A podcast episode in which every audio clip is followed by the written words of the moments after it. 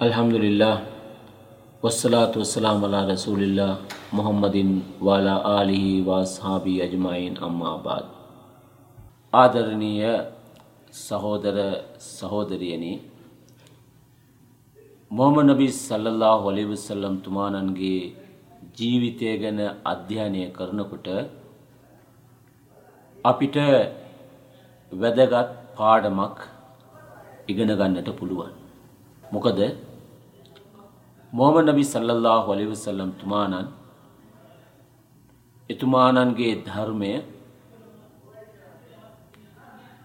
ලෝකයේ අස්සක් මුල්ලක් නැර ව්‍යාප්ත කිරීමට හැකි වූයේ කුමන හේතුවක් නිසාද? මොහමඩ් නබි සල්ලල්ලාහු අලයිහි වසල්ලම් තුමාණන් කීර්ති ප්‍රසංසා පුද සත්කාරය ලෞකික ලාභය බලාපොරොත්තුවෙන් නෙමෙයි තමන්ගේ ධර්මය දේශනා කළේ. ලෝකවාසී සත්වයාට සිතක්ම වේවා යහපතක්ම වේවා කියන ඒ ප්‍රාර්ථනාවෙන් තමයි තමන්ගේ ධර්මය අල්ලා දෙවියන් වහන්සේගේ මඟ පෙන්වීම යටතේ දේශනා කළේ. මොහම නබි සල්ලල්ලා ඔලිවසල්ලම් තුමානන්ගේ ධර්මය මෙතරම් දුරට ලොවේ ව්‍යාප්තවීමට සහ සීග්‍රයෙන් පැතිරීමට සහ එය අදහන අයගේ සංඛ්‍යාව වැඩිවීමට ප්‍රධාන හේතුවක් අල්ලාහු සුබහාන අල් කුර්ආනයේ සඳහන් කරනවා. ඇයි මොහමඩ් නබි සල්ලල්ලාහු අලයිහි වසල්ලම් තුමාණන්ගේ ධර්මය මෙලොවේ ව්‍යාප්ත වීමට හේතුව කුමක්ද? ඒ ප්‍රධාන හේතුව තමයි අල්ලා දෙවියන් වහන්සේ සඳහන් කරන්නේ අල් කුර්ආනයේ මේක මොහමඩ් නබි සල්ලල්ලාහු අලයිහි වසල්ලම් තුමාණන්ගේ ධර්මයේ ව්‍යාප්ත වීමට පමණක් නෙමෙයි එතුමාගේ ධර්මය මෙලොවේ ව්‍යාප්ත වීමට පමණක් නෙමෙයි. මේ ගුණාංගය මේ අල්ලා දෙවියන් වහන්සේ මේ පෙන්වා දෙන ගුණාංගය සමාජයේ පවුලක් වශයෙන් ඒ වගේම මිතුදහම් ශක්තිමත් වීමටත් වෙළඳ ව්‍යාපාරය ශක්තිමත් වීමටත් සමාජයේ පාලක හා පාලිත පක්ෂය අතර සම්බන්ධතාවය තහවුරු වීමටත් මේ ගුණාංගය වැදගත් වෙනවා. මොකද්ද මේ ගුණාංගය? අල්ලා දෙවියන් වහන්සේ කියනවා මොහමඩ නබි සල්ලල්ලාහු අලයිහි වසල්ලම් තුමාණන්ගේ ධර්ම ව්‍යාපාරය ගැන සඳහන් කරනකොට ෆබිමා රහමතින් මිනල්ලාහි ලින්ත ලහුම් වලව් කුන්ත ෆල්දන් ගලීදල් කල්බ් ලන් ෆද්දු මින් හවුලි ෆාෆු අන්හුම් වස්තාවෆිර් ලහුම් ෆෂාවිර්හුම් ෆිල් අම්ර් අල්ලා දෙවියන් වහන්සේ කියනවා අල්ලා දෙවියන් වහන්සේගේ ආශිර්වාදය නිසා තමයි ඔබ ඔබ සමග සිටින ජනතාවට ආදරය කරුණාව දැක්වුවේ. වලකුන්ත ෆල්දන් ඔබගේ හැසිරීම නැත්නම් මේ කතාවිලාසේ ඉතාමත්ම රලු විදිහට පැවතුනා නම් ඔබ දරුණු විදිහට හැසිරුණා නම් ඔබ පිරිවරාගෙන සිටින මිනිස්සු ඔබගෙන් ඈත් වෙන්න පටන් ගනී. කරුණාව දයාවට විරුද්ධව දරුණු විදිහට ඊ타මත්ම දුෂ්ට විදියට ඔබ හැසිරුණා නම් ඔබ සමග ඉන්න මිනිස්සු ඔබට ලං වෙනවා වෙනුවට ඔබෙන් ඈත් වෙන්නට පටන් ගන්නවා. මේක තමයි මේ ධර්මය ව්‍යාප්ත වීමට හේතු. මේ ධර්මය ලොවේ අස්සක් මුල්ලක් නෑර ටිකෙන් ටික ටිකෙන් ටික ව්‍යාප්තවීමට හේතුව මේකයි රහස. මොහම නබි සල්ලල්ලා ඔලෙ විසලන් තුමානන්ට අල්ලා දෙවියන් වහන්සේ ඉතාමත්ම මේ මනෝවිද්‍යාත්මක පැත්තක්.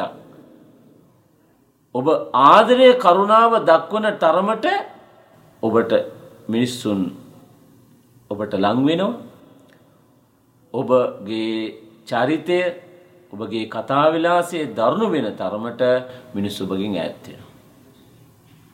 මේක තමයි මේ ශුද්ධ වූ අල්කුරාන් වදනේ තේරුම්. ඊළඟට කියන මොහම නබිස්සල්ලා වලේ විසල්ලන් තුමානන්ට කියා දෙන මිනිස්සු වැරදි කරනු. ෆව්ෆු අන්හුම් ඔවුන්ට සමාවදෙන්. වස්තාව ෆිර ලහුම් ඔවුන් කරන වැරදි සඳහා ඔබ අල්ලා දෙවියන් වහන්ස ඔහුට සමාව මේ මිනිස්සුන්ට සමාව දෙනු මැනව කියලා ප්‍රාර්ථනා කරා. ඊළඟට වැදගත්ම දෙයක් කියන මේක ඉතාමත්ම වැදගත්. පවුල් ජීවිතේ සමාජ ජීවිතේ ඕනම තැනක මේක අවශ්‍ය වෙනවා. නබි කෙනෙක් එයාට තීරණයක් තීරණ ගන්න පුළුවන්. අල්ලා දෙවියන් වහන්සේ එයා නබි සල්ලල්ලාහු අලයිහි වසල්ලම් තුමාණන්ට මොහම්මද් නබි තුමාණන්ට සෑම හැකියාවක්ම ලබා දුන්නා. තනි තීරණයක් අරගෙන මේ සමාජය හදන්න, රට හදන්න, මිනිසුන්ගේ හදවත් හදන්න, හැසිරෙන රටාව හදන්න. නමුත් අල්ලා දෙවියන් වහන්සේ එක්තරා කාරණාවක් කියනවා වශාවිරුහුම් ෆිල් අම්ර්. ඔබගේ කටයුතු සම්බන්ධව ඕනම කටයුත්තක් සම්බන්ධව පොදු ජනතාව සමග බුද්ධිමතුන් සමග අත්දැකීම් තිබෙන උදවිය සමග ඒ ඒ ක්ෂේත්‍රම් පිළිබඳව නිපුණත්වයක් තිබෙන උදවිය සමග ඔබ කළ යුත්තේ කුමක්ද සතුටු සාමීචයෙන් එකතු වෙලා ඔබේ කරුත්තව්‍ය පිළිබඳව ඔබේ වැඩකටයුතු පිළිබඳව ඔවුන් සමග සාකච්ඡා කරමින් ඔබ තීරණයක් ගන්න. ඔබ තන අවසන් තීරණයක් ගන්න පුළුවන්. නමුත් වැදගත් වෙන්නේ අනිත් අයගේ අදහස්, උදහස්. ඒ අයගේ යෝජනා ඒ වගේම චෝදනා තිබෙනවා නම් ඒ සියල්ලක්ම රැස් කරගෙන තමයි ඔබ ඔබේ ධර්ම පණිවිඩය ධර්ම ප්‍රචාරය පවත්වාගෙන යා යුත්තේ මේක කොයි තරම් වැදගත් වදනක්ද. මේක පවුලේ සමාජය ඉතාමත්ම පුංචි සමාගමක් වෙන සංස්ථාවක් වෙන පවුල් ජීවිතයට ගැලපෙනවා. සමාජ ජීවිතයටත් ගැලපෙනවා. පාසලේ විදුහල් පැතිතුමා ඇතුළු ගුරු මණ්ඩලයටත් මේක ගැලපෙනවා. ආයතනයක ඉහළ නිලධාරිය අධ්‍යක්ෂතුමා ඇතුළු සේවක මණ්ඩලයටත් මේක ගැලපෙනවා. රටේ නායකයා සහ කැබිනට් මණ්ඩලයටත් මේක ගැලපෙනවා. මොකක්ද කියන්නේ ඕනම කටයුතු ඔබ නායකයෙක් වෙන්න පුළුවන් නමුත් ඔබේ කටයුතු වලදී ඔබ සාකච්ඡා කරන්න. සතුටු සාමීචයෙන්.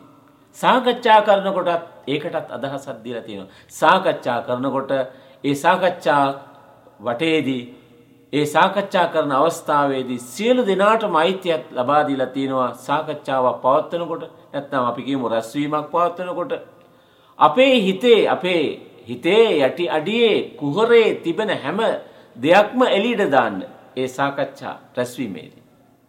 නමුත් හැම දෙනාගේම වගකීමක් තිබෙනවා ඒ සාකච්ඡාවේදී අපි කතා කරපු දේවල් සමහර රහසිගත දේවල් ඒවා ඒ දොරෙන් ඒ දොරටුවෙන් එළියට යන්න නරකයි.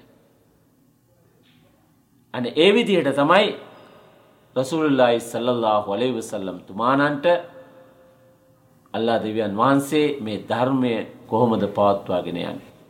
කොහොමද රටක් පාලනය කරන්න. කොහොමද පවුල් ජීවිතයක් ගත කරන්න. මේ කාරණාව රසුල්ලයි සල්ලල්ලා ඔලිවිසල්ලම් තුමානන්ට අල්ලා ස්භානවතාලා අල්කුරු ආනයේ පෙන්වා දෙන.